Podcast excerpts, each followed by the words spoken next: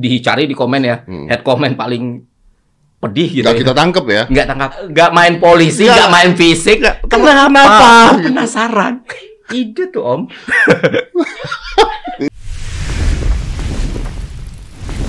Five, four, three, two, one, and close the door. Ferry Irwandi, manusia biasa ini. Thank you loh ya, lu udah gabung sama Close the Door. Sama-sama. Karena pada saat gua ngeliat lu tuh gila ini orang manusia biasa ini tuh luar biasa gitu. You do ordinary thing in, in an extraordinary way. Thank you, thank you. Menurut gua loh, menurut gua ya, menurut gua. Tapi ada satu sih pembahasan yang mau gua bahas, Bro. Jadi ini kayaknya penting buat masyarakat kita yang sekarang lagi pada tolol. ya, Iya. karena FOMO, karena karena ikut-ikutan, karena mau cepet kaya, karena mau apa. Terus ada satu pembahasan di channel lu tentang st- stoic, Stoic, stoic. stoicism. Nah, gue tahu tentang stoicism karena gue pernah belajar tentang stoicism pada saat gue eh, kuliah dulu. Ada pembahasan tentang itu. Terus eh, berapa tahun yang lalu gue sempat baca lagi tentang itu, Eh, cerita tentang gimana dia kalau nggak salah kapalnya hancur kebakar lah ya. Hmm. Terus dia akhirnya ke perpustakaan ketemu dengan eh, siapa waktu itu? Ya intinya ketemu dengan siapa gitu intinya terus dia dia be- mencoba untuk menerima keadaan yang sebenarnya tidak bisa dikontrol oleh dirinya Iya, faktor eksternal. faktor eksternal oke Iya. but then banyak orang yang nggak tahu tentang stoik banyak orang nggak tahu tentang paham hidupnya banyak orang yang nggak ngerti Iya. Jadi lu, lu coba kita coba kita kita bahas itu dulu deh jadi gimana hidup lu tuh Jadi gini om, sebenarnya juga baru ya, baru belajar stoik juga kan. Stoicism tuh baru tak pelajarin bener-bener itu tahun 2017, berarti udah sekitar lima tahun ya. Dan menerapkannya sebenarnya dari tahun 2015, tapi belum tahu itu ada loh ilmunya gitu. Hmm. Itu kerangka berpikir loh, itu ilmu filsafat loh, ilmu yang ya ilmu pikiran lah kan, cara kita memanage diri kita sendiri gitu. Sebenarnya gini om, kalau boleh track back ke belakang, Hmm. eh gue kenal sama stoicism itu karena keadaan sebenarnya, karena keadaan karena keadaan. berarti lu pernah ketimpa sebuah masalah yang berat dan lu berontak dan akhirnya mencoba lo yang biasa Iya, orang iya. yang, yang biasanya stoicism itu kan Iya, pernah ngalamin titik terbawah banget. terbawah dulu tuh kan Iya. Karena gini Om, kan kayak Om bilang tadi di di kuliahnya Om yang aku tahu Om kuliahnya psikologi, PhD di situ kan. Itu nah, na- PhD gue di ARP oh malah di AR Om. S1-nya di karena kalau di psikologi susah nyari duitnya nanti Oh, I see. Di psikologi itu pasti diajarin karena dia jadi psikoterapi untuk depresi. psikoterapi untuk depresi Stoicism, Iya, oke. setahu gue ya. Jadi kayak untuk mengobati orang depresi gitu, ngeterapi orang depresi diajarkanlah nilai-nilai dari Stoicism itu sendiri. Jadi tahun 2015 ke bawah, gue tuh tumbuh dari keluarga yang berprivilege, Om. Bukan bukan orang kaya ya, bukan konglomerat. Bapak gue dosen, Hmm. ibu gue ya pekerja gitu. Hmm. Eh, well educated lah, well educated, Well educated. family gitu. Dan ya jelas eh, pas lahir pun banyak kemudahan yang gue dapetin. Hmm. Akses informasi, pendidikan, Hmm. gue selalu bisa masuk ke sekolah favorit. Hmm. Tes IQ gue di level superior. Hmm. Gue masuk salah satu perguruan tinggi yang kata orang dulu paling sulit untuk masuk dengan tanpa effort sama sekali. Jadi gue ngerasa diri gue tuh oke banget gitu. Oke, so you have all the privilege ya Iya. pada, pada saat itu ya. pada saat itu dan semua yang gue lakukan tuh rasanya mudah banget Hmm. dan gue jadi orang yang sangat ambisius orang yang sangat sangat mencari pengakuan orang lain orang yang nyari validasi orang lain Kok gue nggak lihat itu sih? Karena itu gue 10 tahun yang lalu Om. Serius? serius jadi bener-bener kayak gue tuh pengen gue tuh the special one gue orang yang akan ngubah dunia ini gitu gue tuh orang yang Oh. dikasih gift orang yang dikasih kecerdasan gue umur 6 tahun Ini ngeras- serius? serius om 10 tahun yang lalu tuh lu seperti gue kayak gitu lu lu orang yang harus bikin impact gitu Iya. ya. Oh ya, milenial zaman sekarang. Iya, jadi relate banget. Setiap orang, gue tuh pengen orang lihat gue oke. Hmm. Jadi kalau ada orang yang remehin gue, tunggu suatu saat nanti kalau lu bakal lihat gue sukses. Oh. Oh iya. See you on the top, kayak gitu gitu lah.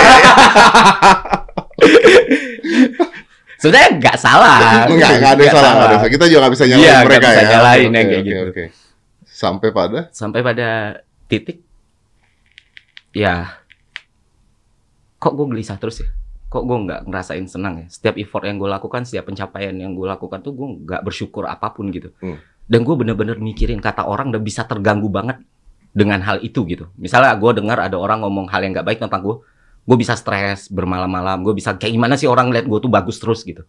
Dan Oh, iya, iya. gue selalu make, making excuse om gue merasa diri gue tuh menilai diri gue tuh terlalu tinggi gitu Hmm. kalau misalnya di kampus gue ketemu di di perguruan tinggi gue gue kuliah di stan om di situ isinya orangnya luar biasa pinter lah Hmm. dan untuk pertama kalinya dari SD sampai SMA gue ngerasa oh gue bukan yang terpintar di kelas gitu banyak banget yang pintar Dan itu mengganggu. dan itu mengganggu gue karena gue nggak mengakui kalau mereka lebih pintar. Gue selalu ngomong ke diri gue, ya mereka belajar lebih rajin aja dari gue. Kalau gue lebih rajin, gue pasti di atas mereka. That's me. Excuses. Excuse. Karena gini om, kita dididik dari kecil selalu dibilang kan, setiap manusia spesial. Setiap manusia bisa melakukan apa saja. Padahal Padahal kan enggak. Manusia kan build-nya beda-beda. Kalau semua orang spesial, siapa lagi yang spesial om? Iya kan? Apa nilai dari suatu Aduh. spesial kalau semua orang udah gue spesial? bilang kan Ju, ini dalam nih kalau bahas dalam. dalam. Iya, iya, tapi itu yang terjadi kan maksudnya. Iya. eh, Memang maksudnya akhirnya orang tuh nggak kalau di teori psikologi kan akhirnya eh, terapinya basicnya adalah acceptance kan. Iya. Ya, acceptance eh, acceptance bahwa ya eh, ada faktor di luar kontrol kita yang kita nggak bisa berbuat bisa, gitu. nggak bisa perbuat. Dan orang nggak mau terima itu gitu. Omongan orang Hmm. atau apa gitu kan kita nggak bisa kontrol. Dan Iya. dalam Islam pun diajarkan Ali bin Abi Thalib ngajarin, Umar bin Khattab juga ngajarin soal ada mubram, ada mualak, ada tawakal, Betul, ada takdir, gitu kan. Mumpung kita udah buka puasa, boleh bagi rokok. Emang katanya gosipnya Om Deddy itu nggak pernah beli rokok ya? Enggak, saya, saya minta terus. saya minta terus. Gue nih lagi painkiller sehari 3-4 kali gara-gara kejepit di sini nih. Fun fact sama Om. Serius? Serius, ini gue sekarang mati rasa sampai sini.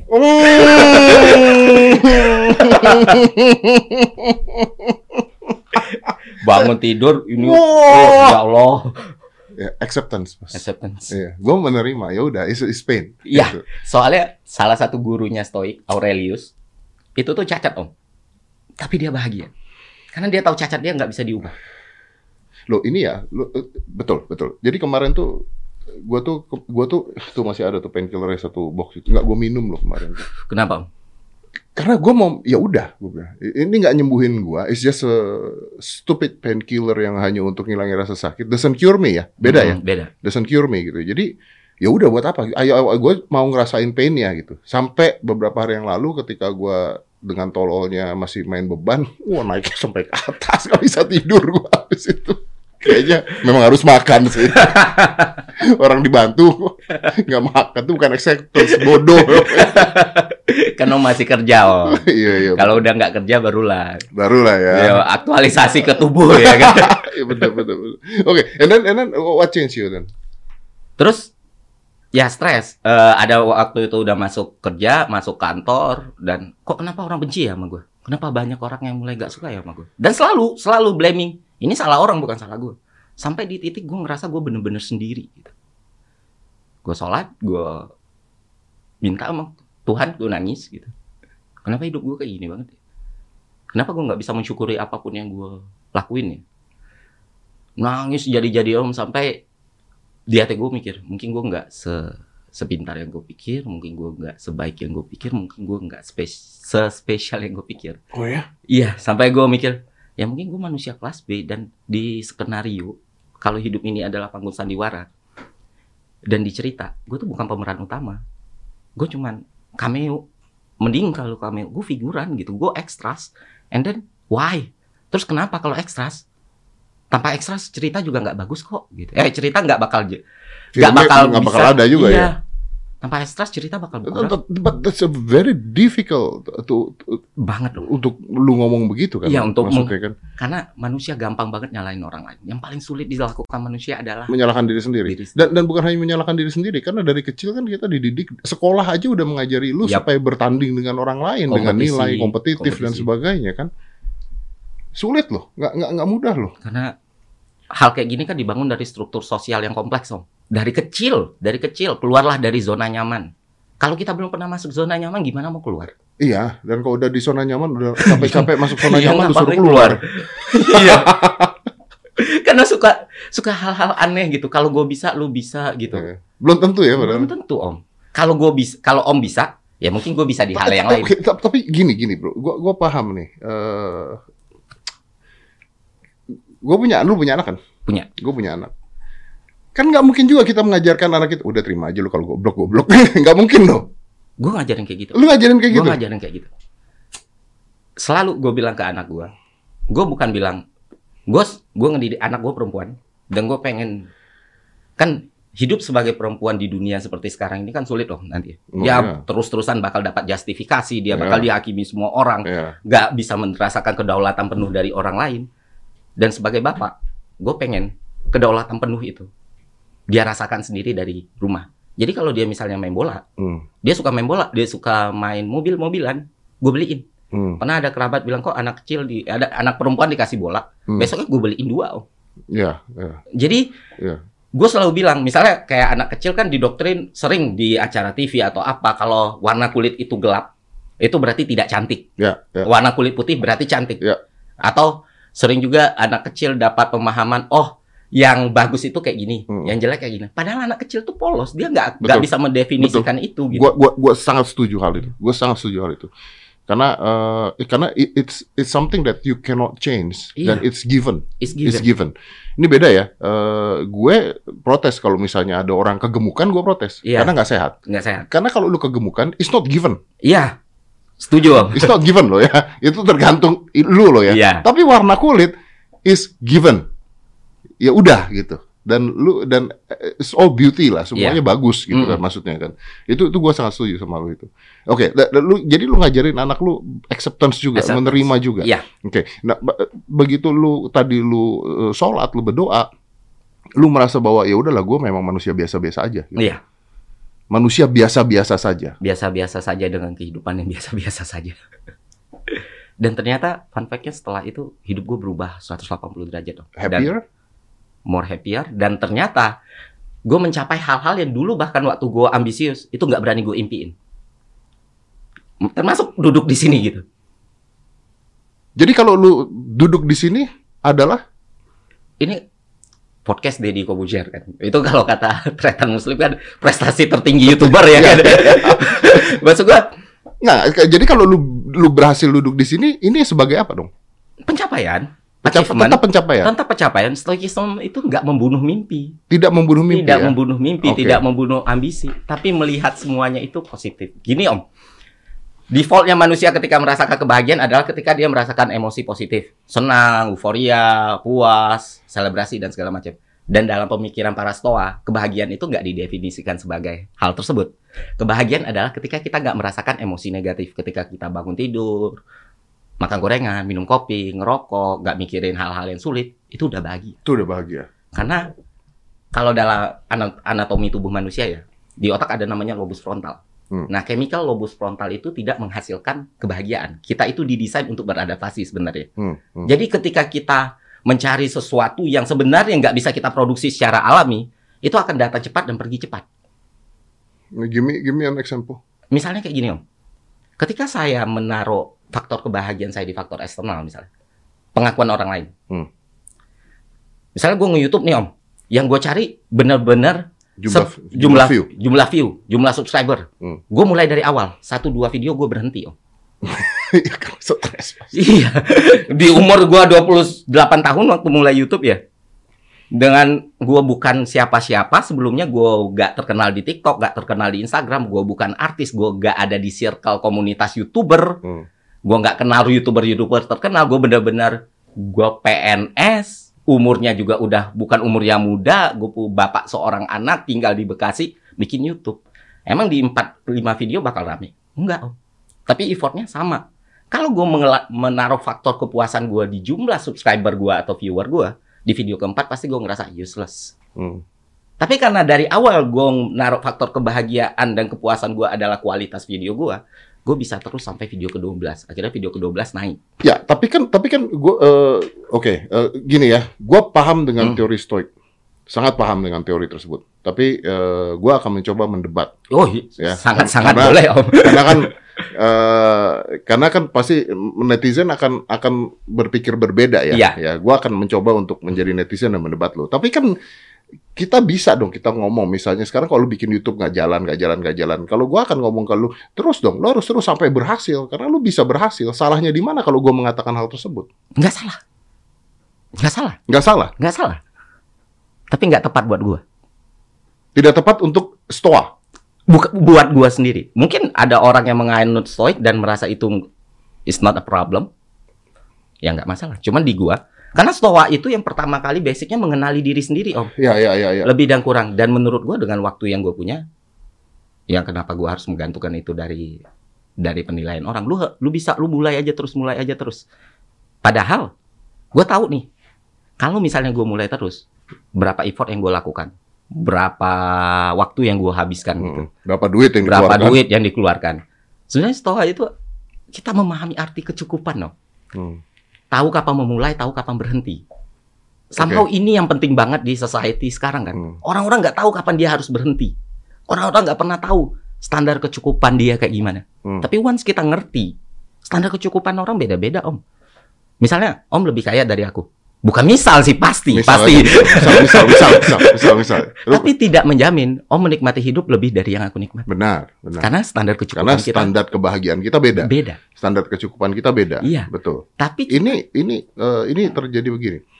eh dulu pada saat gue gue lahir bukan dari keluarga yang berprivilege Hmm. ya ya walaupun miskin itu privilege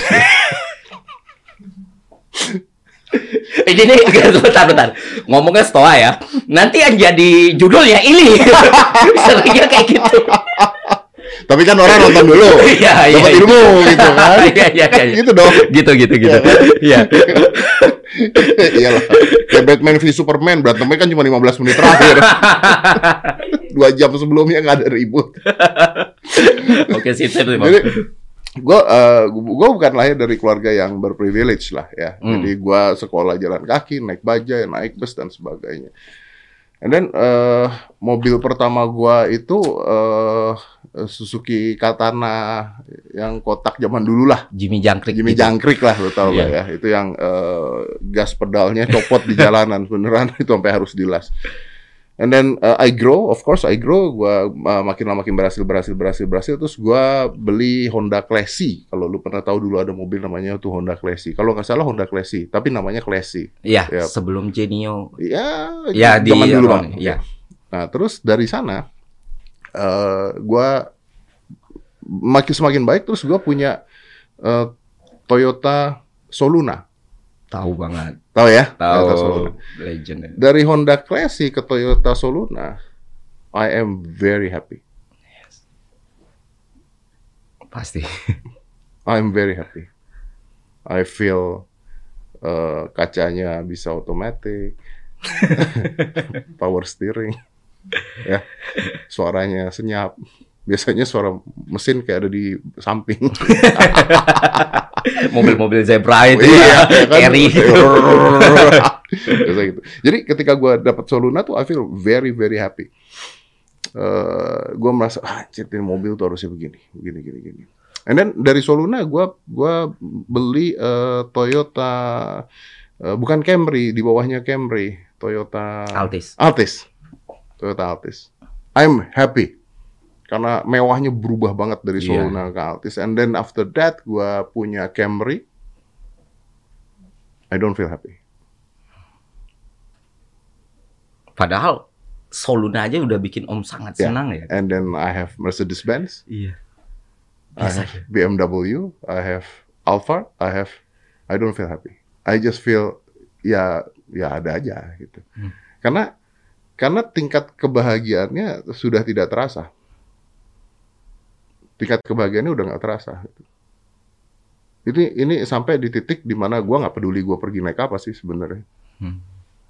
Nggak peduli orang mau ngomongin gue pergi naik Fortuner kayak mau naik Alphard kayak ya nggak peduli juga gue gitu. Tapi basicnya kenapa gue ngomong begini adalah basicnya eh, lu juga tidak akan merasakan kebahagiaan terus menerus ketika lu mengejar itu terus menerus sebenarnya. Jadi ada limitnya gitu. Ada limitnya kebahagiaan tuh ada limitnya. Gitu. Ya. Itu yang sulit diterima manusia. Itu yang sulit diterima manusia pasti. Sangat sulit diterima manusia. Kita tuh limit bukan limitless, kita itu ada limit. Kita tuh ada limit ya. Tapi menariknya anak gue, Aska, itu sepatunya bolong, Pak. Jempolnya kelihatan. Pergi sekolah. Dan gue tidak tahu kalau sepatu dia bolong selama tiga bulan karena kos kakinya hitam. Jadi sepatu hitam, kos kaki hitam. Terus gue bilang sama dia, begitu ketahuan gue bilang sama dia, kamu gila sepatu bolong begini. Terus dia bilang, "Ah, wah, it's only for school katanya, cuma buat sekolah doang gitu. Maksudnya gue pakai nggak masalah juga, bolong, nggak ada teman-teman gue ngatain juga gitu. Terus gue bilang, ya kamu nggak masalah, bapak lu malu kalau sepatu lu bolong gitu kan. Tapi gue berpikir pada saat itu gue berpikir mungkin anak ini sudah tidak punya karena dia lahirnya cukup. Dia tidak punya keinginan untuk dia tahu kok kalau dia mau dia bisa. Ada lagi tuh teori seperti itu Iya. menurut gua. Iya, itu kan eh, growing mindset ya. Iya, growing mindset. Gitu. Mm-mm.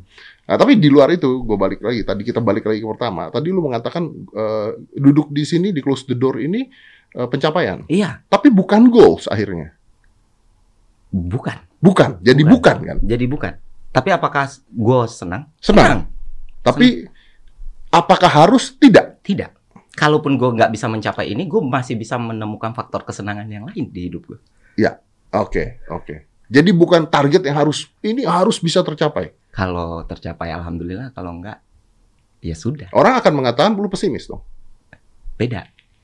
Ini netralitas. Kalau pesimis kita masuknya ke apa ya eh, ininya nihilismnya Nietzsche Hmm. yang mengatakan dunia ini ya udah kayak gitu. Iya, udahlah, banget. fucked up lah. Iya, iya, iya, iya, iya. Karena banyak orang yang memahami stoik di awal itu, oh ini dekat sama si kata-kata Nihilism, Nietzsche, ya. ini Ini bukan pesimistik bukan ya. bu- bukan pesimistik. Ini membantu kita mendefinisikan diri kita sendiri, apa yang bisa kita lakukan, apa yang nggak bisa kita lakukan. Menggeser faktor kebahagiaan kita dari eksternal ke internal karena mostly manusia hidup di peradaban yang menentukan kebahagiaan dari faktor eksternal. Mm-mm. Gimana caranya lu, lu lu- gimana caranya orang yang tidak punya atau orang miskin bisa eh, accept that atau atau atau mem- menerapkan stoik ini? Kalau kita udah bicara soal kelas sosial itu berbeda, Berbeda ya. berbeda. Karena ini ini pola pikir ya. Ini pola pikir. Ini filsafat. Eh, ilmu ilmu ilmu pikiran lah, ilmu humaniora. Ketika kemiskinan itu kan lahir gak sekonyong-konyong karena orang yang kurang kerja keras kan, atau orang yang kurang usaha kan. Enggak, Kemiskinan tuh lahirnya struktural gitu. struktural. Mekanismenya kompleks Iya, gitu. betul. Nggak yang tiba-tiba Lahir. privilege karena bisa merasakan kerja keras kan. yang namanya kalau kerja keras sudah bukan privilege Ya, namanya kan. ya. Se- sementara stoikism nggak akan menjamin orang miskin bisa berhasil kaya. Hmm. Tapi seenggaknya mereka tahu apa yang harus mereka lakukan. Kenapa? Karena mostly banyak orang yang ketipu, banyak orang yang jadi korban, entah MM, MLM palsu, scam, fraud, itu justru datang dari menengah ke bawah, Om. Kita pergi ke Pondok Indah misalnya, Hmm. kita pergi ke Pondok Indah Mall, Hmm. kita pergi ke eh, Plaza Indonesia, GI, atau mall-mall yang mewah lah di Indonesia. Hmm. Ada nggak kita bakal ngeliat orang main judi online di handphone? Gue sih belum nemu ya om.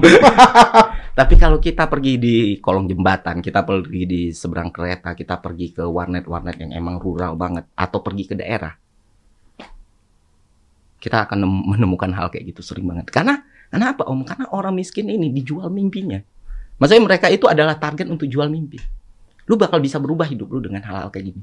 Justru stoikism ini bisa menyelamatkan mereka dari hal-hal seperti itu. Ya, saya per- saya uh, gua, gua agree with that. Orang miskin yang akhirnya tertipu itu karena mereka dijual mimpi dan mereka punya harapan untuk menjadi kaya. Iya. Fast lane to billionaire. Iya. Orang kaya yang ikut-ikutan begituan karena greed, Greed karena nggak pernah puas. karena nggak pernah puas, karena greednya dia, Iya. makanya dia ikutan begituan. Ya, ya, ya. Nah, eh, stoa ini, eh, oke. Jadi kalau misalnya eh, dia dia eh, tidak punya sesuatu, bukan berarti dia tidak boleh bermimpi. Bukan berarti tidak boleh bermimpi, bukan boleh bukan berarti tidak boleh bercita-cita. Karena stoik itu mengajarkan kita untuk ketika melakukan sesuatu bukan bukan potensial paling maksimal yang dipikirin, Hmm. tapi resiko paling terburuk. Even ke eksistensi kita di kehidupan itu adalah suatu pemberian dari Tuhan. Dan Ya. itu adalah sesuatu yang harus disyukuri Ya, sebenarnya. itu udah privilege loh. itu udah privilege. Dari jumlah satu sperma yang kalau kita, kita kalau kita Iya. pikirkan ya, Dan itu one in a sangat billion tuh kita tuh lahir. one of billion. Iya, Dan kita bukan yang tercepat, tapi kita yang paling paling kuat kan. ya, ya. Paling paling tahan. Kan bukan sperma yang paling pertama yang cap- mencapai ovum ya, Iya. yang jadi Tapi yang paling kuat yang paling kuat, bertahan. paling sustain. Itu saja sudah, Udah privilege. ujian pertama ya. Iya. Kayak wah, orang-orang kan banyak yang berpikir eh gue tuh nggak punya apa-apa gitu. Hmm. Nggak ada yang bisa gue syukurin. Kok teman-teman gue pergi ke luar negeri ya? Kok teman-teman gue bisa punya mobil dan rumah ya? Hmm. Padahal tanpa kita berpikir seperti itu, hidup kita nggak akan berubah. Hidup kita nggak berubah apa pun gitu. Ya, banyak orang yang akhirnya terganggu dengan kehidupan sehari-harinya, padahal nggak punya masalah apa pun pada dirinya. Cuman dia terganggu karena ngelihat kok dia flexing ya, kok dia ini ya, kok kok dia nge-share pencapaiannya di sosial media ya. Padahal kalau dia berpikir kalau sebenarnya semua hal di dunia ini nggak bisa dia kontrol, dia akan baik-baik aja. Dulu gua selalu ngerasa ketika teman gua nge-share sesuatu, ah ini nggak bener nih dia nih, gitu. Alah dia ini pasti, misalnya ada prestasi di kantor, ah pasti ngejilat nih, pasti kayak gitu. Eh kok dia udah kuliah duluan, enak banget kantornya gitu. Tapi sekarang ketika gua ngeliat teman-teman gua nge-share sesuatu gitu, misalnya dia tamat S3, dia dapat masternya, terus dia pergi jalan-jalan, dia bahagia dengan keluarganya, gue seneng om. Justru stoik, stoik itu memperlebar faktor kebahagiaan gue. Gue bahagia cuma karena ngelihat teman gue main sama anaknya. Gue bahagia ketika ngelihat teman gue udah sampai S2 yang mana gue belum ke situ gitu. Karena gue merasa manusia itu kalau kata si Aurelius ya, kita itu terkoneksi. Semua manusia itu Ya. pada akhirnya terkoneksi semuanya. Dan selama ini semua bentuk dari pendidikan kita saat kecil yang selalu kompetitif, kompetitif dan kompetitif, ujungnya yang tumbuh bukan rasa bahagia, bukan rasa senang, bukan rasa syukur. Yang tumbuh tuh dengki, iri, yang padahal sebenarnya nggak ada esensinya gitu. Yang sebenarnya orang tuh lakuin kita juga nggak akan ngaruh ke apa-apa ke kita sebenarnya. Gimana kalau misalnya dibalik kalau misalnya kita melihat itu itu akhirnya menjadi sebuah motivasi? Untuk untuk bisa lebih baik. Iya. Nggak salah, Nggak salah. nggak salah. Tapi buat aku ternyata nggak bisa. Gitu. Hmm. Cristiano Ronaldo, Muhammad Ali, Floyd Mayweather, ya semua orang-orang top of mountain itu kan tipikalnya sama kan, Eh, trust, trust talk, Hmm. self centris, ambisius, dan cuma berpikir tentang dirinya sendiri gitu. McGregor, dan emang ada yang berhasil kayak gitu. Tapi ya mereka berhasil, akunya enggak. Hmm. Sesimpel itu om kayak ya sudah. Dan aku nggak akan ngejudge orang yang punya cita-cita dan ambisi kayak gitu, enggak. Tapi seenggaknya kita tahu nih, ini bisa kita lakukan atau enggak.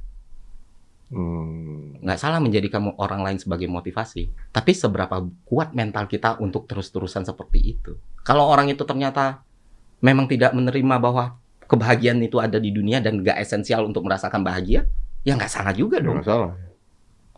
Yang penting gue dinilai orang legit aja, dinilai orang keren aja, udah cukup buat gue. Soalnya manusia kan kompleks om, Hmm. standarisasi kan nggak bisa kita gunakan ke semua orang. Dan ketika ketika orang terlalu berpikir eh, terus ke atas terus ke atas membandingkan dirinya dengan orang lain, tapi dia punya eh, keterbatasan tertentu yang ada mendekati kegilaan akhirnya. Iya, karena selalu nggak, selalu merasa diri ini kurang gitu. Wah, gila loh. Hmm. Kayak kok gue udah kayak gini tapi nggak bisa ya. Ujung-ujungnya kan yang sakit kita sendiri om. Ya, ya, ya. selalu terimalah kalau kita pada suatu hari juga akan gagal. Nggak akan orang eh, vokalis Rolling Stone si apa Mick Jagger itu kerennya luar biasa kan. Gantengnya luar biasa, terkenalnya luar biasa. Bahkan seorang Mick Jagger aja bisa ditolak sama cewek dong. Makanya dia buat lagu itu. Iya benar. benar. Seorang magic. Karena kegagalan itu sesuatu yang nggak lepas dari seorang manusia. Dan kita nggak pernah belajar dari kesuksesan. Kita selalu belajar dari kegagalan. Makanya buku-buku motivasi cara sukses. Oh, belajar dari kesuksesan. Dari saya mempelajari stoikism ini. Oh bullshit semua itu.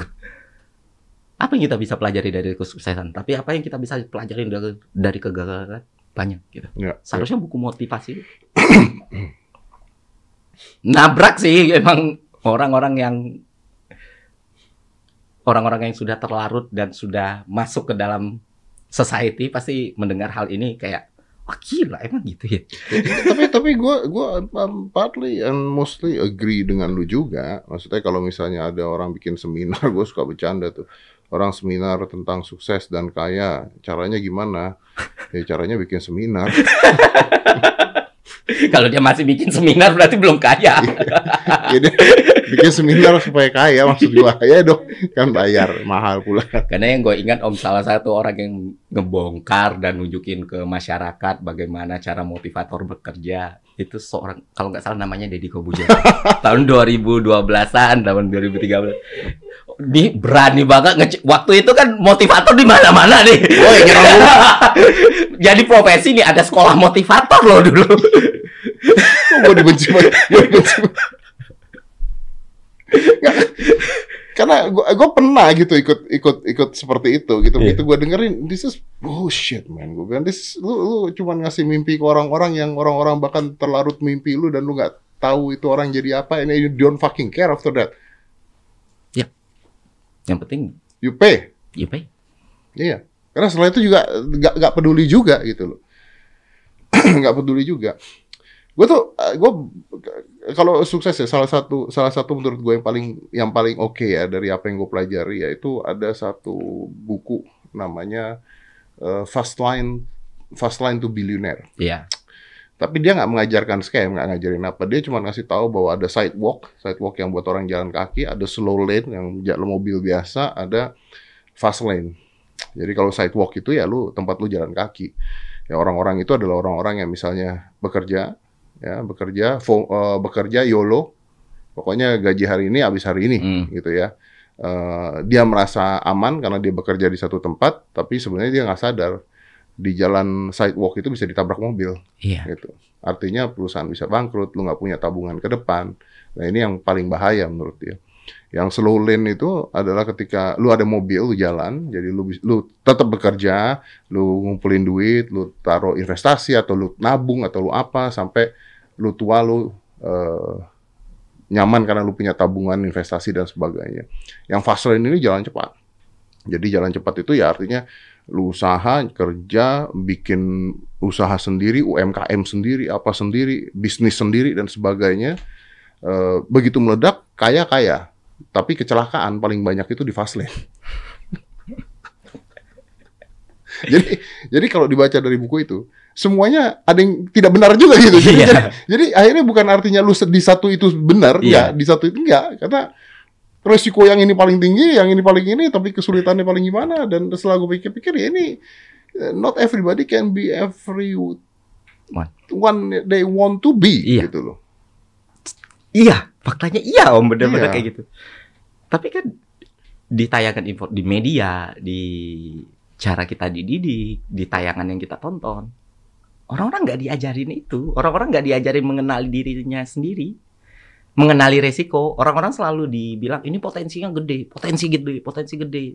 Contoh ini, contoh ini, contoh ini. Tapi kita nggak diajarin. Lu bisa kayak gini loh, kalau ngikutin ini Hmm, ada resiko ini loh. Sama kayak sekarang orang-orang literasi finansialnya terbangun gitu. hmm, Dan semua cerita soal literasi finansial itu about investasi. Hmm. Kalau nggak investasi lu mati gitu. hmm, Padahal kan kondisinya nggak kayak gitu sebenarnya. hmm. Investasi itu apa dan Hmm. bagaimana kita berinvestasi, Hmm. seberapa banyak uang yang harus kita hasilkan per bulan dan berapa persen dari situ yang bisa diinvestasikan. Kalau semua uang kita investasikan kita makan apa? Ya tapi kan sekarang yang orang otaknya cuman kalau nggak ada kripto kita goblok gitu Nah. kan. Kalau nggak ikutan NFT Iya. kita tolol gitu. Kalau kita nggak main stok, kita nggak main kripto, Hmm. kita adalah manusia-manusia primitif gitu. ketinggalan zaman gitu. ketinggalan zaman. Hmm. Padahal kan nggak juga sebenarnya. Hmm. Ada ya Ada itu pilihan. pilihan. Karena ada human capital, ada financial capital. Ya, ya, ya, ya, ya, ya. ya. Tapi mostly orang-orang lihat nilai suatu manusia diukur dari financial capital. Ya, bukan value manusianya ya. bukan value manusia. Bukan knowledge, bukan value, bukan knowledge. Padahal itu masuk ke modal manusia. modal manusia. Jadi sebenarnya yang paling penting itu adalah value-nya dulu yang dibesarkan. Iya, Ya, karena kita kalau ada orang mengatakan, "Aduh, gua kalau punya waktu lebih banyak lagi, if I have more time, kayaknya gua bisa sukses nih." Hmm. Well, you know what? The fact is, the fact is, you cannot have more time. Iya. Karena jam 6 tank sampai jam 6 udah 24 jam gitu. You cannot have more time, but you can have more value. Hmm. Value-nya yang dibesarkan. Kalau lu sebagai pegawai, value lu sebagai pegawai dibesarkan. Your boss gonna notice you. Iya. Contohnya begitu. Bukan karena bukan karena lu lembur aja di situ tapi ngapa-ngapain nggak ada Yes. value-nya gitu. Jadi value manusianya harus dibesarkan. Ini eh, ini memang sulit dan nggak banyak orang bicara seperti itu. Gua gua bicara tentang edukasi aja terus yang berita, berita di luar dari Corbusier tidak setuju dengan Anti edukasi. anti edukasi. Anti sekolah. Kuliahnya sampai S3 ya, Om. Orang pada bikin video, pada bikin aduh. gua- Gua nggak, gua tidak setuju dengan sistem sekolah gitu Hmm. karena ini balik lagi loh kayak tadi itu. Inilah yang membuat orang-orang akhirnya jadi FOMO, orang-orang jadi punya harapan yang eh, terlalu besar padahal dia tidak ada di sana gitu. Dia nggak ngukur, dia Mm-mm. nggak mikir. Ya, Kema- kemarin gue hmm. eh ada telepon-teleponan sama guru sekolah karena Aska eh, absen eh, 11 kali. Nah, kalau 19 kali dia nggak naik. gitu. Kalau 19 kali dia nggak naik. Tapi di telepon-teleponan dengan gurunya itu, gurunya mengatakan bahwa Aska is very eh, extraordinary student. Dia Hmm. bilang. Kenapa? Gue tanya. Karena walaupun dia absen 11 kali, tapi dia bisa ngikutin pelajarannya dan nilainya bagus. Di otak gua, ya sudah dong. Loh, ya udah dong. Maksudnya, ya udah dong. Iya. gitu dong. Kan absen, tapi bisa ngikutin dan pelajarannya bagus. Iya. Ya udah, we have no problem kan gitu Iya. kan. Tapi ternyata ada ke- ketentuan kalau dia 19 kali tidak masuk, dia tidak naik kelas. Walaupun pelajarannya bagus. Hmm. This doesn't make sense dong. Menurut Hmm. nah ya menurut kita ya, tapi kan Hmm. sekolah punya aturan-aturan. Iya. gitu. Nah, anaknya karena suka bela diri, karena suka ini, suka ini dan sebagainya, ya gua ngomong pada saat meeting itu, ya tapi anaknya akan memilih pindah sekolah, Bu. Yang ngasih fleksibilitas Ya, lebih tinggi. fleksibilitas lebih tinggi. Dan saya sebagai ayahnya ya, saya akan ikutin anaknya gitu. Mau gimana? Mau gimana? Iya. iya. Ya itu makanya. Jadi ya ya ini kalau teman-teman belum tahu tentang stoik ya mungkin pelajarilah tentang stoik karena ini banyak yang nggak tahu. Ada berapa kali dalam hidup gua gua menerapkan hal tersebut. Karena percayalah yang orang tahu itu yang orang lihat di hidup gua itu selalu kesuksesannya, kesuksesannya, Iya. kesuksesannya. Ya betul, karena saya tidak pernah memamerkan kegagalan saya. kan Instagram dan sosial media bukan tempat untuk memamerkan. Saya bukan tipe orang yang berdoa di Instagram soalnya atau curhat di Instagram hitam pakai lagu Sesekali Om mamerin kegagalan gitu. Gue bingung. biar tahu gitu ya. Iya. Biar tahu ya. Emang pernah Om pernah gagal? Pernah, pernah. Serius? Pernah gagal, gagal pernah menghadapi eh eh, salah satu contoh yang kita nggak usah bicara bisnis lah. Salah satu contoh adalah pernikahan gua gagal. Oh, dan itu bukan hal yang ringan. Itu bukan hal ringan. Anak ada di gue. Iya. Gue tidak mengerti cara mendidik anak. Gue nggak ngerti jadi ibu. Karena pada saat itu gue kerja kerja kerja yang ngurusin mandi bukan gue. And then suddenly boom, gue harus jadi ayah dan ibu. Yang gue nggak tahu gimana. Dan eh, karena karena perceraian itu gue berhenti main sulap. Oh. Karena gue main sulap, kebanyakan duitnya datang dari luar kota bos. Dari off air, bukan Iya. dari TV dong. Dari Iya. off air. Off air itu selalu di luar kota. Lu tahu kan daerah-daerah itu banyak orang kaya orang kaya yang kalau bikin acara maunya gede gitu kan. Maunya ada sulap. mau gitu ada ya. sulap penyanyinya. Wah zaman dulu Krisdayanti gitu kan. Itu duitnya gede. Nah ketika gue harus ngurus anak gue sendiri dan dia tidak bisa ditinggal dan pada saat gue mau tinggal dia dia nggak mau ditinggal dan dia bilang dia mau ikut karena takut pesawatnya jatuh. Kalau jatuh dia maunya jatuh sama bapaknya di pesawat. Gue harus memutuskan untuk berhenti main sulap. Dalam otak gue nggak tahu gue mau ngapain. Oke. And then I have to accept bahwa you know what let's let's do this. Ayo kita kerjakan gitu. Ayo kita kerjakan. And we see what happen gitu. Dan itu di saat itu gue menerapkan teori stoik gitu. Ya ini ini ada faktor eksternal yang ini Yang bukan saya- faktor eksternal tapi ini pilihan yang yang kalau gue mau mengambil ini mungkin gue lebih kaya tapi anak gue terlantar ya udah gue ambil ini anak gue aja di luar ini gue nggak bisa kontrol Mungkin waktu itu om mikir ya, "Hmm, pernikahan mungkin gagal tapi sebagai bapak nggak boleh. nggak gagal." boleh gagal iya sebagai bapak gue nggak boleh gagal gitu. Dan dan banyak sekali kegagalan. Bisnis juga pernah gagal apa juga pernah gagal banyak sekali. Jadi ya kita harus itu banyak ya memang nggak gue yang nggak gue share. Makanya gue pengen banget ketemu lu supaya kita bisa ngasih juga pelajaran lah ke orang-orang. Eh, ya hidup tuh tidak perlu terlalu ngoyo gitu ya. Boleh punya mimpi boleh punya harapan boleh punya apa boleh tapi ingat mimpi anda terlalu besar. Kan mimpilah setinggi langit kalau jatuh masih di bulan-bulan betul. Tapi kadang-kadang jatuhnya jadi gila. Masalahnya kan awannya nggak menutup semua. iya Kadang jatuh kadang banget. jatuh banget tuh kadang jatuh banget. Begitu jatuh banget dah jadi jadi itu. Makanya teori stoa ini harus harus orang banyak belajar. Tapi gue belum pernah lo ketemu orang dengan dengan pemikiran stoa tuh belum pernah.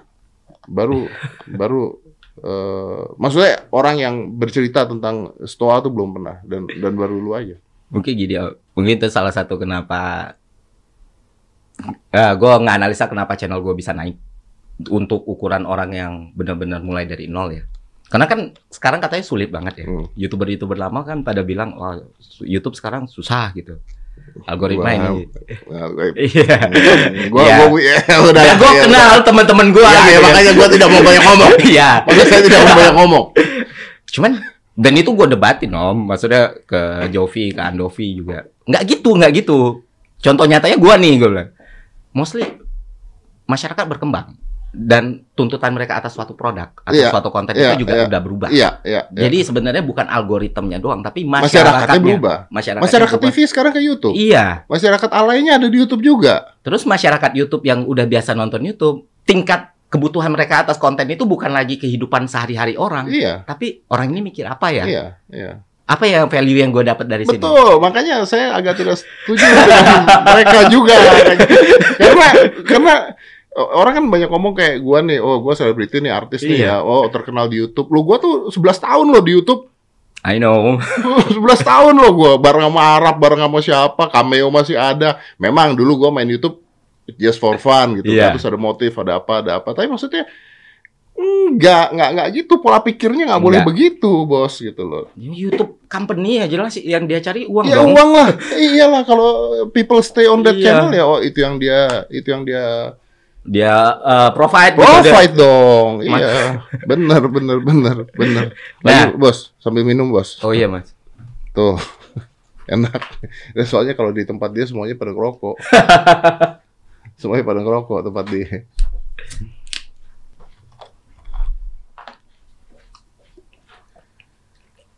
Asik sih sebenarnya. Sulit. Loh, ini apa om? Oh, lu menang ya? Iya, iya, gue udah 200 botol kali gue buka. Itu gimana Oh. tuh? Nah, ini nih ada THR. Ini kan yang ini kan versi THR THR THR 10 juta. Ada tulisannya tapi kecil banget ini nggak kelihatan kayaknya.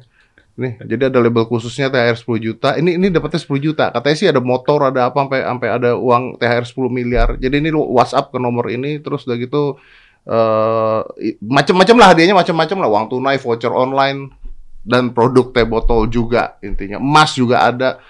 Ju, ini harus WhatsApp ya? Iya, di WhatsApp di situ mas ada ada nomor WhatsAppnya, ada kode uniknya juga. Ada kode uniknya juga. Ah. Oke, oke. Eh tapi boleh nggak ini gua ini Di reimburse di ini diklaim. diklaim boleh nggak?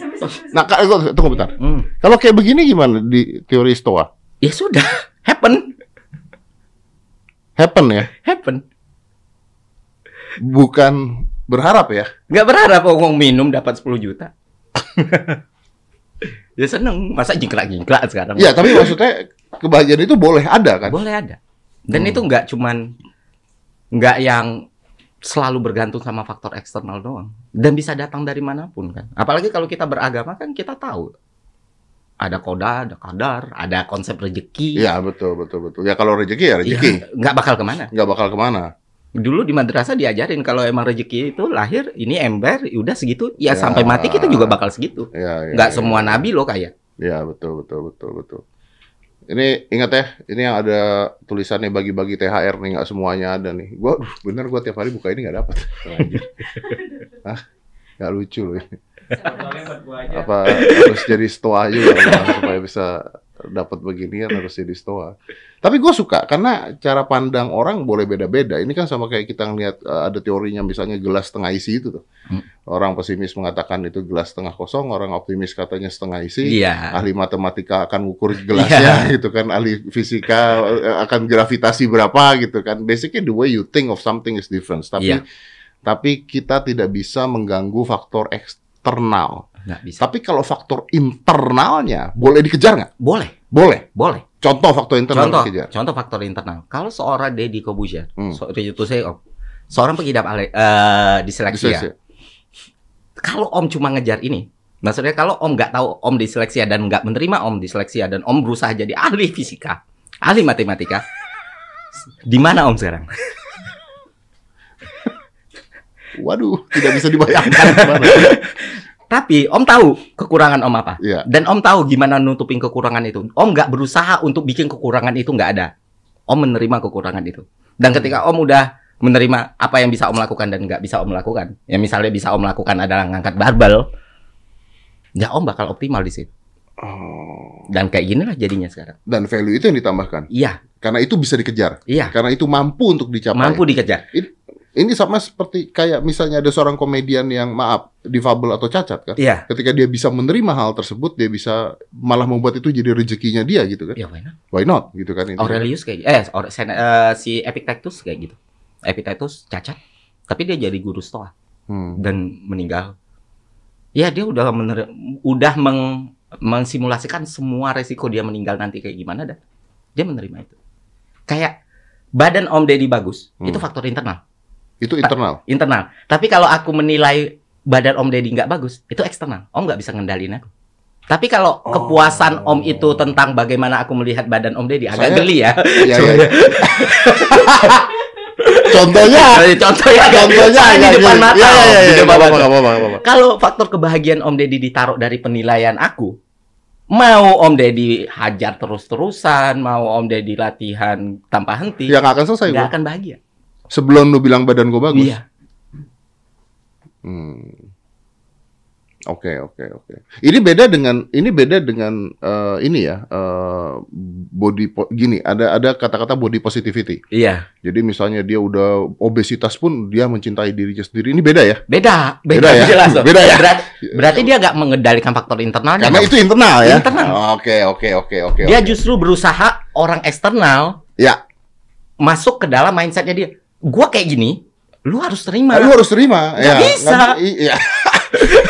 Lu nggak bisa mengendalikan opini orang, sesalah-salahnya apa pun opini orang, itu lahir dari dirinya gitu. Nggak bisa. Lu harus ngelihat gue tuh ganteng. Ganteng, gue ganteng-ganteng. Nggak bisa. Nggak bisa, iya, iya, iya, benar, benar, benar. Nah, oke. Nah, kenapa bisa ada orang-orang yang menghabiskan waktunya, menghabiskan waktunya eh, dan niat sekali untuk misalnya komen di Instagramnya orang lain hanya untuk ngata-ngatain orang lain tuh kenapa bisa terjadi seperti itu? Ya itu, Om. ya itu. Orang-orang, ya, Ya, ya kita yang dikata-katain atau objek yang dikata-katain kita bisa stoanya. ya. Tapi gimana caranya ada orang? Karena gini loh, gue untuk komen di tempat lu aja gue males gitu.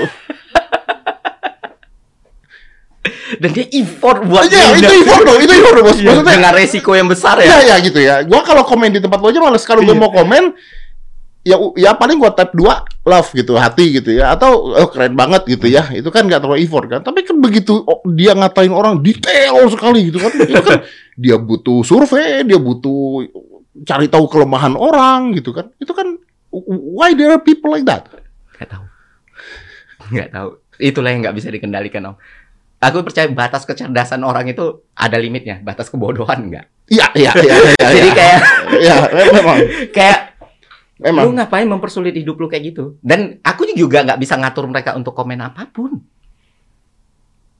Dan pada akhirnya ya, ya semoga suatu hari hidup bakal menunjuki bakal menunjukkan mereka gitu kalau apa yang dilakukan itu sia-sia sebenarnya cuman karena lu punya emosi, lu punya marah dan lu butuh copy mechanism untuk itu. Look, I, I understand, I understand you cannot control it, I understand. What I don't understand is why people doing it. Karena orang-orang hidup dalam sulit. Ya kalau gua biasanya bercandanya bahaya pengangguran. Kalau gua bercandanya begitu biasanya. Kalau kalau nggak pengangguran lu nggak effort Iya. effort banget gitu maksud gue. Tapi itu effort loh gitu. Iya. Effort loh. Karena orang dia mungkin ya orang gua nggak pernah kayak gitu sih. Ya gue Jadi jangan bingung. ya, makanya. Cuman kan ada orang-orang kayak gitu Iya. gitu loh. yang kadang kita emang harus bersuara di kondisi tertentu, kadang ya emang let it go gitu. Tapi ya kenapa orang-orang kayak gitu? Nggak tahu om. Kayaknya harus om undang satu. Satu di share, eh, dicari di komen ya. Hmm. Head comment paling pedih gitu. Nggak ya. kita tangkep ya. Nggak tangkap. Kenapa? Coba-coba jelasin kenapa? Apa podcast masalah lu? Apa gitu? Iya. Hidup lu kenapa? Ini gua, gitu? gua nggak nggak main polisi, Nggak. main fisik. Kenapa? kenapa? Penasaran. Ide tuh om. Ini bagus. Iya, Iya. Kenapa? Karena banyak kalau kayak di YouTube kita aja, di YouTube kita, di YouTube semua lah, di YouTube semua orang gitu. Karena ada yang wah, gua nggak suka nonton, gua skip video ini. Ya, ada yang gitu, ya kan? Kan Gue pernah om, gue pernah ladenin yang kayak gitu. izin skip, izin. skip kok izin. Lu komen aja video gua di jalan, goblok. Dulu tuh ada om, waktu waktu bahas ini ya, waktu bahas soal vaksin di awal kan, Hmm. itu kan semua kemungkinan soal vaksin tuh bisa aja terjadi possibility Betul, bisa aja betul, terjadi. betul, betul. Tapi kita kan nggak bisa logical fallacy kalau COVID emang berbahaya. Mm-mm. Tapi mostly karena orang nggak teredukasi dengan baik ketika dia merasakan, oh mungkin aja dibuat manusia, dia mengambil kesimpulan COVID itu nggak bahaya. Kesimpulan penarikan kesimpulannya salah. Ya, Iya, COVID dibuat manusia mungkin, mungkin. mungkin. Konspirasinya ada? Mungkin. Oke. Tapi itu Tapi tidak, COVID-nya ada. tidak, Ah. tidak menggugurkan kalau itu berbahaya dan ya, menularkan. Ya, ya. Gue ngejelasin itu. Ada satu orang yang nggak terima banget ngomong panjang lebar di YouTube. Ada empat komentar lah om. Dan namanya YouTube kan sebenarnya kalau kita komen, kalau menurut sistem YouTube komenan ini nggak Dinaikin ke atas ya. bukan om, Oh, nggak pantas. pantas, langsung dia take down tanpa kita ngapus. Iya, kan? betul, betul, betul. Orang-orang kan nggak tahu, ih komen Oh, gue dia masa dihapus. Iya. Iya, pernah gue juga begitu. Iya, iya, iya, iya. Wah, kan benar ini konspirasi. Ferry Irwandi itu antek global ini ini. Wah, mak, kita bilang kan. Pertama terhibur om. Ternyata dia nge-reach Instagram aku. Dia effort. Effort dia komen di Instagram, komen di semua komenan, DM, DM. DM. Tak ladeni. Aja lu stoik. Nah, bukan itu karena ngerasa penasaran tadi. Iya, Kenapa? kenapa? Gitu. Lebih gak gak kesel tadi. Iya. Mas, Mas kenapa? Eh, eh. Oh ini ini, ini oh, covid ini ini ini ini. pokoknya dia dia orang yang anti covid banget. Oh ya sudah, kalau menurut Mas kayak gitu ya udah nggak apa-apa. Terus apa masalahnya? Ya lu ini ini ini ini ini. Oh iya. Jadi gimana Mas? Tak ada nih. Aku yang diblok ujungnya. Cuma benar-benar yang oh gitu. Oh dia terus tidak berharap gitu. Dia berharap perdebatan panjang lebar. tak bilang dan bahkan aku nggak nggak yang nge-challenge argumennya. Oh iya. Coba mas apa lagi mas? Kira-kira yang perlu aku tahu? Oh ya udah. Nanti tak pelajari. Wah lu. Terus pas komen lagi lah kok di blok? Ya memang. orang-orang di situ aku kasihan bukan bukan bukan ngerasa dia salah ya om atau apa. Hidup seperti apa sih yang dijalani orang-orang ini? Kan kita nggak tahu ya. Sehari-hari stres dimarahin bos masalah keluarga ekonomi dan segala macam dan orang perlu copy mekanisme. Makanya di situlah titik aku ngerasa dulu aku ngerasa nggak perlu ngejelasin soal stoik yang aku pelajari gitu. Tapi sekarang harus kayaknya. karena ad, karena ngelihat-ngelihat sendiri netizen kayak yang aku bilang aku nge-YouTube, aku ngebawa sesuatu yang mungkin biasanya YouTuber selalu bilang kan, ayo kerja keras, Ya, ayo ini kalau gue bisa lu bisa, kita mencapai mimpi bersama. Allah bahasa-bahasa kayak gitu kan. Itu semua tipikal YouTuber kayak gitu loh Om. Mostly. ya kan? kayak semua orang tuh senang dianggap menginspirasi. Kalau aku ngerasa itu beban gitu. Makanya aku datang setiap aku ngomong, even aku udah riset, even aku ngeluarin duit jutaan beli buku, even aku harus nunggu lama, buku itu dikirim ke Kirim, Indonesia, iya. terus aku riset lagi, aku bikin penelitiannya, aku bikin bahasanya supaya dimengerti semua orang. Setiap video aku aku bilang, lu jangan percaya sama gue, cari tahu lagi. Iya. Gue nggak menjamin ini benar, makanya Iya.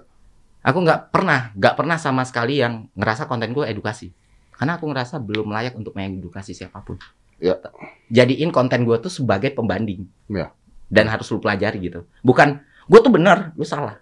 Iya, iya. Nah mungkin karena itu menemukan diferensiasi itu ketika orang nge YouTube semua orang pengen jadi luar biasa, gue pengen jadi biasa om. Dan ketika kita biasa di antara orang luar biasa, ya berarti kan kita yang Iya, iya, iya. yang different gitu. Betul. Itu sih makanya kayak yang om bahas tadi waktu mulai nge YouTube ya kayak gitu. Memang memang lucu kayak pada saat Covid itu juga lucu karena kan gua ada eh, pembicaraan dengan Pak Menkes pada saat itu kan tentang Covid bahayanya gimana. Terus gue juga ada bicara dengan orang lain tentang konspirasi Covid-nya gitu kan. Itu kan gue diserang dua arah. yang, yang, yang sama Menkes dibilang gua antek antek antek Covid. ya kan? Iya, tag elit global gitu. ya. Yang konspirasi diserang bahwa wah, Covid idiot. Covid idiot gitu. Ini tuh pembahasan loh gue bilang. Lu mau gue pernah bahas flat earth. Wah, gue dikata-katain. Ini tuh pembahasan It's not mean that you need to believe this. It doesn't mean I believe this Yes. gitu ya. Tapi gue mau dengerin konsep lu gitu loh. Gue mau dengerin teori lu. Jadi orang ngomongin flat earth ya gue dengerin gitu loh. Bukan untuk karena kalau oke begini-gini kok bisa bu berantem gua nggak jadi podcast gua debat dong gua dong Walaupun kadang kesel di podcast ya. kadang Om. kesal kadang kadang nahan-nahan ya. nahan kadang nahan Goblok ya, kadang gitu. pura-pura goblok juga gua pernah gitu kan oh gitu, gitu ya gitu. cuman kan basicnya adalah ya kalau kita kita debat kan dia tidak keluar dong. Iya. makanya kita mau dengar ya udah gitu. Ya udah itu terima aja gitu loh. Ya semin dan terus gua pindah gitu alirannya gitu kan. Tapi kalau lu nggak nggak pernah mengenal konsep stoik, lu nggak pernah kons- mendeng- mengenal konsep menegarkan orang lain, nggak bisa kayaknya. nggak, lu nggak akan sampai di sini om podcast ini. Baca komen-komenan itu kan jahat sekali ya, oh iya kayak ya Allah gitu. Tapi kalau lu matters dengan hal itu nggak terkendali, masa iya lu masalahin semuanya kan ya nggak jalan podcast ini om. Berarti kan esensinya adalah seorang Deddy Gobusher tahu hal-hal yang nggak bisa dia kontrol kan. iya iya Makanya bisa jalan nih podcast Iya gitu. gue tuh masih ketawa lucu gara-gara kemarin tuh gue baru ngundang si Cika Chandr, Cika Chandrika Si Cika ya. ya. Waduh, habis Waktu dan tempat dipersilahkan. Wah, gue bacain. Iya, orang-orang ini ya gue bilang ya. Gini loh, gue ngundang dia juga ada semin I like her gitu maksudnya. Tapi nggak gini juga sih gitu maksudnya. Emang kalau lu nge-hate dia terus dia jadi miskin apa gimana gitu apa larinya ke mana gitu. Terus ada juga kemarin tuh pada saat gua ngundang Pak Luhut itu. ada orang bilang gini di, di ini ini lucu ini gue balas soalnya ini. Dia bilang, "Anda itu terkenal karena Anda ngundang orang-orang hebat." Dia enggak nggak nonton Tralala Tridili om. Ya, ya, ya. Ya. Terus dia bilang gini, dia bilang gini, coba kalau memang podcast Anda bagus, coba undang orang biasa-biasa saja yang tidak ngerti apa-apa, yang bodoh, yang rakyat kebiasaan, yang gajinya di bawah UMR. Coba kalau emang masih bisa dilihat orang. Gue jawab, boleh bro punya waktu kapan?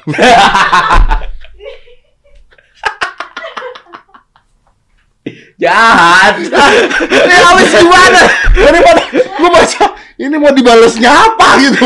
Maksudnya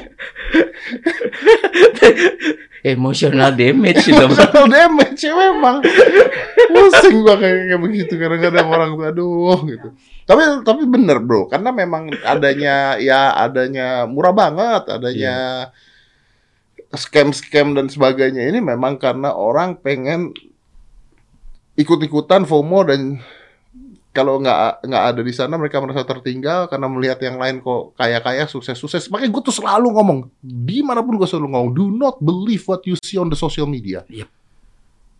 it's all fake gue bilang. It's all fake gue bilang. Terserah dah lu mau ngomong apa tapi it's all fake gue bilang. Like literally all fake. Iya. Bahkan gue sendiri om. I- gua juga. Gue juga gitu, gue juga. Banyak kita taruh kan, ya kita, ya gimana dong ya? ya kan? Iya, nggak ada yang otentik benar-benar Nggak ada yang kan? otentik bener-bener nggak ada tuh nggak ada Nggak gitu ada. loh. Nggak ada. Pasti ada yang difabricate, pasti ada yang dibuat, pasti ada Mm-mm. yang ditunjukin ke orang-orang. Gue pernah kan lagi nggak bisa tidur, ada kerjaan sampai jam 2 pagi, jam 3 pagi. Terus karena gua banyak kerjaan pada saat itu gue minum kopi banyak gitu. Wah nggak bisa tidur nih gue. Terus besokannya juga libur gitu. Akhirnya terus gua nge-gym jam setengah empat. Mantap. gue posting dong. While you sleep, I work out. Coba. Di jam setengah empat. Terus bawahnya kan, wow berarti pantas begini, pantas gitu, gitu, gitu, gitu, gitu. Wah jam segini aja gitu. Udah gitu banyak baca, gue pikir, anjing ini kalau orang-orang ikutin tipes. Padahal gue lagi flexing gitu maksud gue. Padahal nggak ya tiap setengah Enggak, enggak, enggak, enggak, enggak. Gue lagi flex. Kebetulan, kebetulan, wah gue bisa flexing dong gitu Iya. kan maksudnya When kan. you sleep, I work out ya. Oh, flexing kan? Iya, ya iya, kan? iya. Ini kan flexing gitu. Wah ternyata begini ya, ternyata begitu ya gitu. Kalau lagi makan makanan sehat kan, wah eating this, wah gitu kan. Kalau kue yang dari lu ya nggak gue post. Even aku ngeliat Om Deddy pun sendiri waktu dihubungin manajer kan, wah ini di close the door. Wah ini orangnya pasti dominan sekali ya, orangnya pasti self centris nih, orangnya Iya. pasti ini. Kaget Om, orang mah ya gitu. Kok malah takut gue ya jadi? Karena orang malah malah takut gimana sih? Karena apa ya? Eh ini Om, ekspektasi aku, maksudnya penilaian aku dari sosial media Om Deddy adalah Om Deddy orang yang dia ini mungkin bukan tipe orang yang peduli sama cerita orang kecuali Ya, di ya, podcastnya ya, gitu ya. ya, Tapi ya, ya. ternyata setelah berapa kali ketemu enggak sih, bahkan di natural natural ininya pun ya orang yang enak diajak ngomong Iya gitu. iya iya iya ya, benar. Ya itu balik-balik lagi karena apa yang kita tahu. yang kita tahu di sosial media ya yang Yang seperti itu yang ya. apa yang orang lain mau lihat kan ya ya Iya. balik lagi begitu kan ya kita juga salah sih sebenarnya gitu Tapi nggak salah dong Om. Karena kan produk. ya ya betul betul betul Karena cari uangnya di situ. Ya, Jadi kayak daripada menunjukkan sesuatu yang kriminal misalnya. Ka- dengan dengan alih-alih gue nggak mau ngefake terus lu nunjukin judi online di sosial media lu, Hmm. lu nunjukin hal-hal yang emang bisa merusak diri lu karena dengan alasan nggak mau fake. Dengan alasan wah pengen keren gitu. ya ya ya betul betul Ya why? ya why Selama itu tidak merugikan orang, Orang lain, lain. terserah. Dan Tapi, ya betul ketika kita kita menganut yang namanya stoa dan melihat seperti itu Biasa ya, aja. biasa aja ya udah terserah lu mau ngom Eh, klaim diri lu apa pun terserah itu nggak udah. mengganggu hidup eh, gua kalau perlu ikut bahagia gitu kan. iya kalau perlu bahagia bayangkan tiap hari aku buka Instagram bisa bahagia sekarang temanku main sama anaknya aku seneng temanku pergi ke luar negeri berhasil gitu seneng temanku beli rumah lagi seneng alhamdulillah. Ya, itu harusnya. tapi beberapa orang bukan beberapa mostly banyak mostly. mostly ketika orang lain mencapai sesuatu dia terganggu. Dengki sirik iya. iri. Iri. Padahal itu kan sebenarnya faktor yang bisa kita iya kendalikan betul. Kita nggak bisa kendalin pencapaian orang tapi kita bisa mengendalikan perspektif kita melihat orang. Iya betul. Sama juga para scammer orang-orang yang crazy rich yang ketangkep. Kalau kita bisa mengendalikan diri kita melihat dia dia mau pamer kayak gitu bodoh amat ketika semua orang bodoh amat semua strategi strategi kampanyenya mereka untuk ngerekrut orang nggak bakal berhasil oh. Tapi itu benar karena begini, contoh nih paling contoh paling sederhana ya, the way uh, the way I do the the contohnya bisnis yang kita lakukan lah ya, terus misalnya ngajak lu gabung di sebuah ya di tempat inilah di close the Iya. door gitu ya. Terus uh, ada lu Aderai contohnya gitu ya. Karena ketika gua ngeliat video lu, gua tahu bahwa gua tidak bisa berbuat seperti lu. Nah, kalau lu gini deh, kalau lu gua sampingan dulu karena orang susah uh, menyatukannya susah. Aderai. Hmm. Adirai. Begitu gue ngeliat Adirai, otak gue daripada gue mencoba bikin channel olahraga, ngalahin Adirai, effortnya kayaknya gede banget nih. Capek nih gue bilang nih kan. Dan ilmunya tinggian dia, banyakan dia, badan bagusan dia gitu ya. Which mungkin kalau gue yang buat, gue buat mungkin penontonnya lebih banyak mungkin Hmm, karena, lebih populer lebih apa populer. segala- Tapi gue berpikir, you know what? Why don't we ask him to join untuk memperkaya konten gitu loh, dengan keahlian yang dia punya gitu. Dan gue seneng banget gitu karena gue nontonin video dia, nontonin video lu, gue dapat ilmu gitu, dapat ilmu yang yang eh, selama ini kita mau ngomong susah, mau apa susah, ada orang-orang yang bisa ngomong seperti ini lebih baik dibandingkan gue. Iya. Itu Dan jujur om, aku tahu ada Ray itu sepintar itu karena podcast sama Om Deddy. gila kan? Gila dan Gila. itu sangat-sangat langka aku ngelihat Om Deddy antusias mendengarkan Iya. orang lain. Iya. Gila, ini orang pintar Karena- banget. Jadi begitu gue dengerin dia ngomong gitu, gue langsung saya kayaknya tidak usah buat lagi. Dan dia dia tuh nggak badannya sebagus itu, hidupnya sesehat itu dan sama sekali nggak ngejudge orang. gitu. Enggak. Iya. Gimana gitu maksudnya gitu. Terus berpikirnya juga zen banget gitu. Iya. Iya. Jadi ketika dia ngobrol sama gua gitu, ah udahlah ini orang udahlah gua tidak bisa lari ke arah sana saya kayaknya gitu. lebih baik lebih baik kita bergabung aja lah gua bilang gitu kan. Ya tapi memang memang seperti itu sih kenyataan memang ya gitu. Makanya orang-orang ini ya eh yang menurut gua bisa ngasih ilmu banyak gitu. Ya sayangnya memang orang-orang yang bisa ngasih ilmu banyak ini bukan orang-orang yang menghasilkan duit.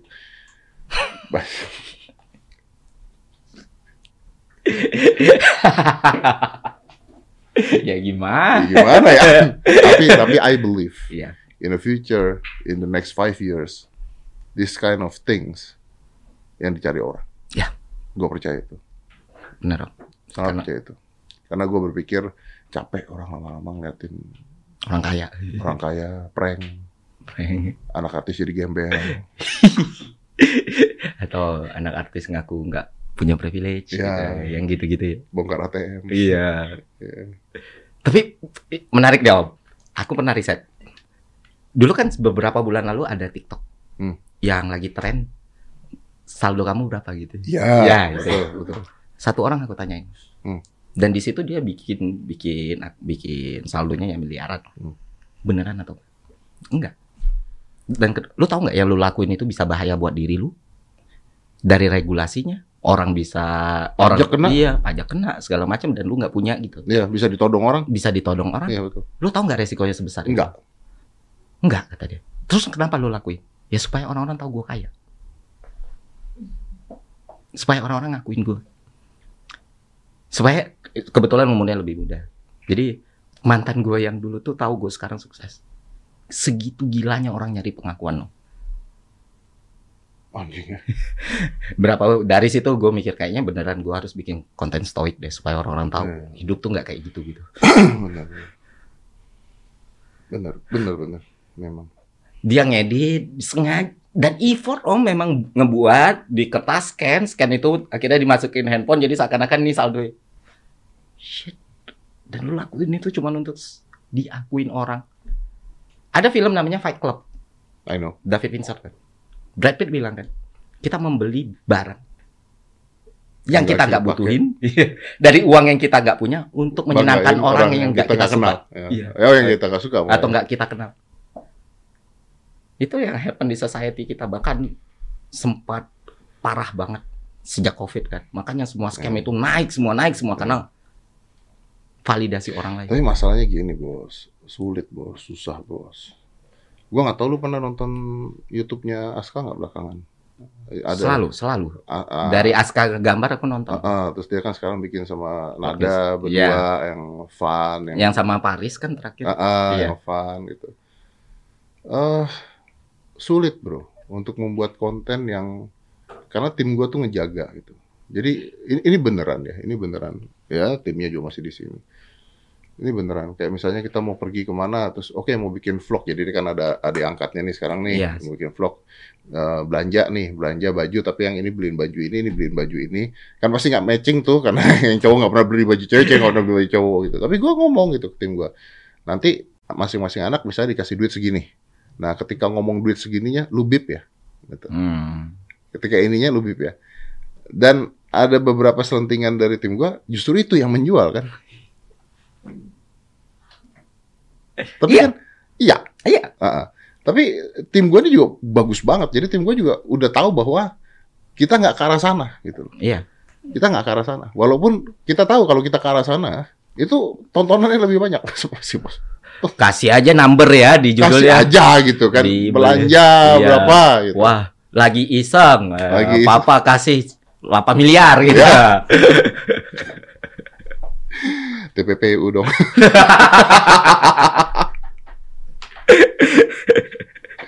Iya bener sih bener. Terus Om? Enggak. Terus eh, ya kita jalanin lah kita jalanin kita bikin nice namanya eh, apa eh, apa yang and slow ya. Ya, Aska punya nice nada Aska yang and slow gitu tulisannya. Ya udah main-mainan yang positif ini yang positif bas dan gini menariknya. Pakai bahasa Inggris. Dua-duanya. Hmm. Terus gue bilang sama tim gue, jangan di subtitle kan. Wah tapi nanti begini-begini orang pada ribut. Ya udah biarin aja orang ribut. Gua bilang. Karena ngerjain subtitle, kesian yang ngerjain bos. Iya. Lama banget. Lama banget ngerjain subtitle terus kesian. Udah biarin aja. Tapi ada yang nonton. Dan gue yakin makin lama makin lama makin banyak yang nonton. Karena orang-orang makin lama makin tahu bahwa ini ya gue ngomong ngalor ngidul. Tapi intinya beginilah. You waste your time let's say 3 to 4 hours a day in social media. Hmm. 3 sampai 4 jam di sosial media. Tidak ada masalah. Apa yang lu lihat di sosial media itu Itulah. yang jadi masalah. Iya. Itu yang jadi masalah. Kalau lu ngelihatnya hal positif, hal bagus, pelajaran, pendidikan, ilmu baru, hobi baru, cara motivasi, apalah itu Iya. lah, is good. Tapi kalau lu ngelihat sesuatu yang bikin pola berpikir lu bahwa oh ini orang kaya, ini begini, ini begini, begini ya kemakan, Ya jelas. makan. Gue tuh pernah di debat orang. Kerabat juga main ke rumah. Anak gue umur satu tahun. Gue kasih handphone suruh nonton. Iya, Dan orang-orang anak kecil tuh nggak boleh nonton YouTube. Anak kecil tuh nggak boleh kenal teknologi. Diajak main. Ya lu nggak tahu punya anak kayak gimana gitu kan. Masanya kayak gitu. Orang gampang banget ngejudge kayak gitu. Tapi kan sebenarnya teknologi nggak bisa dilawan, perkembangan nggak bisa dilawan. Yang bisa kita kendalikan, apa yang Iya, kita iya, apa yang iya, ditonton. Ya itu perkembangan teknologinya itu eksternal. Iya eksternal, Nah, tapi tontonannya bisa internal, itu bisa kita iya betul. Dan alhamdulillah so far Oke kan? oke Iya. gitu. Maksudnya anakku umur satu setengah tahun ngomongnya udah lancar karena emang tak atur kontennya. Iya, betul, betul. Aduh itu. Memang. Tapi kan ilmu-ilmu parenting normalnya bilang anak kecil jangan dikasih sosial media. betul, betul. umur lima tahun dia nanya eksistensi Tuhan loh. Iya, Tuhan itu apa lah ya? iya, masuk akal. Bagaimana dia bisa terlihat atau enggak? Ya karena apa? Karena ya ilmu yang dia Iya. pelajari itu masuk akal. Dan yang lebih aneh lagi ketika orang tuanya mengatakan anak umur 5 tahun 6 tahun jangan dikasih handphone, jangan dikasih apa, tapi orang tuanya Instagramnya story-nya kayak jahitan. Iya. Maksud- Maksudnya kalau gue jadi anaknya kan, what are you doing? You're pulling that phone all days. Why cannot see it? Gitu kan. Karena standarisasi itu terlalu gampang dibuat. Bahkan manusia ini ngakunya semua manusia spesial. Enggak. Semua manusia enggak spesial, tapi semua manusia unik. Ya, Karena kita itu semua ada lebihnya, ada kurangnya. Nggak bisa semua orang disamaratakan dengan metode yang sama. ya, ya, ya. Misal ilmu parenting gitu atau Gak, hal-hal gak seperti itu. bisa, gak bisa. Kalau misalnya Om Deddy mendidik Aska dulu dengan bahasa Indonesia di awal, mungkin perkembangannya nggak kayak Berbeda juga. Dan kita gak pernah tahu kok. Iya. Gak pernah tahu kok. Bener. Baik gue suka ngomong ketika ada orang yang minta gue untuk eh, apa motivasi untuk tentang parenting gitu. Yang awal-awal gue katakan ketika gue ngomong adalah tolong jangan dianggap saya ayah yang berhasil. Karena anak saya masih berkembang. Nanti aja kalau saya akan bilang saya berhasil ketika anak saya sudah berdiri sendiri, sudah dia punya kesuksesan dia sendiri, sudah bisa ini sendiri, oh, berarti gua ngedidik dia berhasil. Sekarang masih dalam proses mendidik, proses menjaga, proses itu semua gitu. Ini perjalanan, Bos. Perjalanan. Ya memang tidak mudah gitu. Terus ini sorry nanya nih Om Hmm. ya, malah aku yang penasaran gitu. Kan semisal waktu Aska bertarung di ring, Hmm. terus kan ada adalah yang meme, adalah yang komen yang Hmm. aku bohong kalau aku bilang nggak lucu gitu. Ya, Hmm. ya lucu sih kayak kayak gitu kan. Om Deddy sendiri menanggapi itu kayak gimana misalnya kayak eh nih bapak ngadu anak sama bapak tiri ya segala macam kayak gitu Memang harusnya om jadi guru stoik om memang memang maksudnya, loh maksudnya maksudnya gini loh. Kan itu The reason, one of the reason kenapa pertandingan itu ditonton puluhan juta kan ada histori cerita di belakangnya. Hmm. ada histori cerita di belakangnya. Dan gue mengambil histori cerita itu secara subconscious ke orang-orang. Ya kalau gue judulnya kayak begitu kan kayak sinetron asap Indosiar dong nanti kan. kalau gue kupukul bapak tiriku Wah, gitu ya jadi begitu kan nanti Iya. kan. Tapi kan story itu memang ada gitu ya. Yes, I'm riding the wave. Yes, Hmm. story-nya ada. Ah, Vicky, gue tahu ini Vicky ketika nantangin gue ribut, nantangin gue berantem, nantangin gue tinju, gue tahu bahwa dia itu memang cara mencari popul- popularitasnya adalah dengan cara seperti itu. Itu Hmm. gue tahu dan gue paham dan gue kenal Vicky gitu loh. Baik kita. Makanya, oh kalau ini bisa gue larikan menjadi sport, oke nih.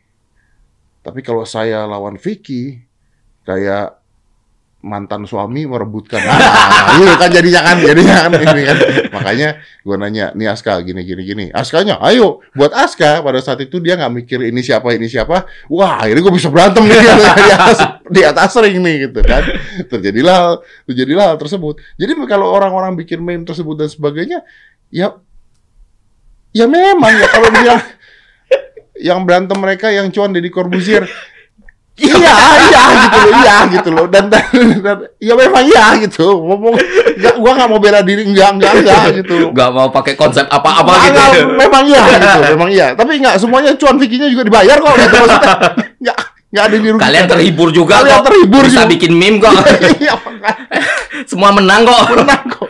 Cuman eh, gua kemarin agak terganggunya bukan dengan itu hmm. gua terganggunya ada oknum yang akhirnya mau melaporkan ke komisi tinju ke komisi Komnas Anak Oh. Iya. ya, karena penyiksaan anak atau ya, eksploitasi anak. Gue penyiksaan anak. Kayaknya anak gue yang nyiksa orang. itu part mananya yang disiksa Part mana disiksa. Terus ke komisi tinju karena usia yang berbeda. Nah ini banyak orang nggak tahu sebenarnya kemarin itu eh, apa namanya promotornya itu kita menggunakan promotor kickboxing. Hmm. Karena kalau kickboxing itu boleh naik kelas umurnya. iya gitu. Jadi bukan tinju. Jadi kalau anda laporkan ke promotor tinju ya, ya salah sih sebenarnya gitu. tapi tapi ya gini bro, kalau gue tuh ya udah gitu, memang gitu. Orang gue juga ngomong kalau di Instagram gue follow follow cewek-cewek seksi, iya. Suka nge like ngelakin cewek-cewek seksi, iya. Gue bilang memang bener, iya. Daripada gue munafik punya second account ya kan. gue nggak punya second account. Jadi kalau yang nge-likein cewek seksi itu Om Ded, iya. karena ini beneran, gue tuh udah cerita dua kali karena karena gini, gue tuh suka eh, gym ya. Hmm. Jadi gue tuh suka banget ngeliatin orang olahraga ya. Hmm. Eh, terus cara ngangkat cara apa di Instagram. Terus algoritma dia tuh kan melempar itu semua ke saya ya. Jadi front page saya tuh cowok-cowok telanjang semua bos. gue pernah front page gue tuh cowok semua telanjang badan semuanya gitu. Terus sekarang ada banyak cewek seksinya. di di ini ya di diparisi. Diversifikasi. Oke oke. Ya udahlah. Fer, tapi eh, again, it's an honor for me uh, to have you here. sama-sama It's an honor for me to for you to uh, decide to join the close the door juga karena gua butuh lu uh, dan gua rasa Indonesia butuh orang seperti lu untuk memberikan value yang lebih dan pengertian yang lebih ke orang-orang. insyaallah Jadi keep on being you, bro. thank you om Keep on being you. You're such an amazing person. Thank you ya bro ya. Siap. Kalau enggak kita nggak beres-beres nih kayaknya. Siap, Om. Siap, Jadi siap. let's close this and 5, 4, 3, 2, 1. And closed the door.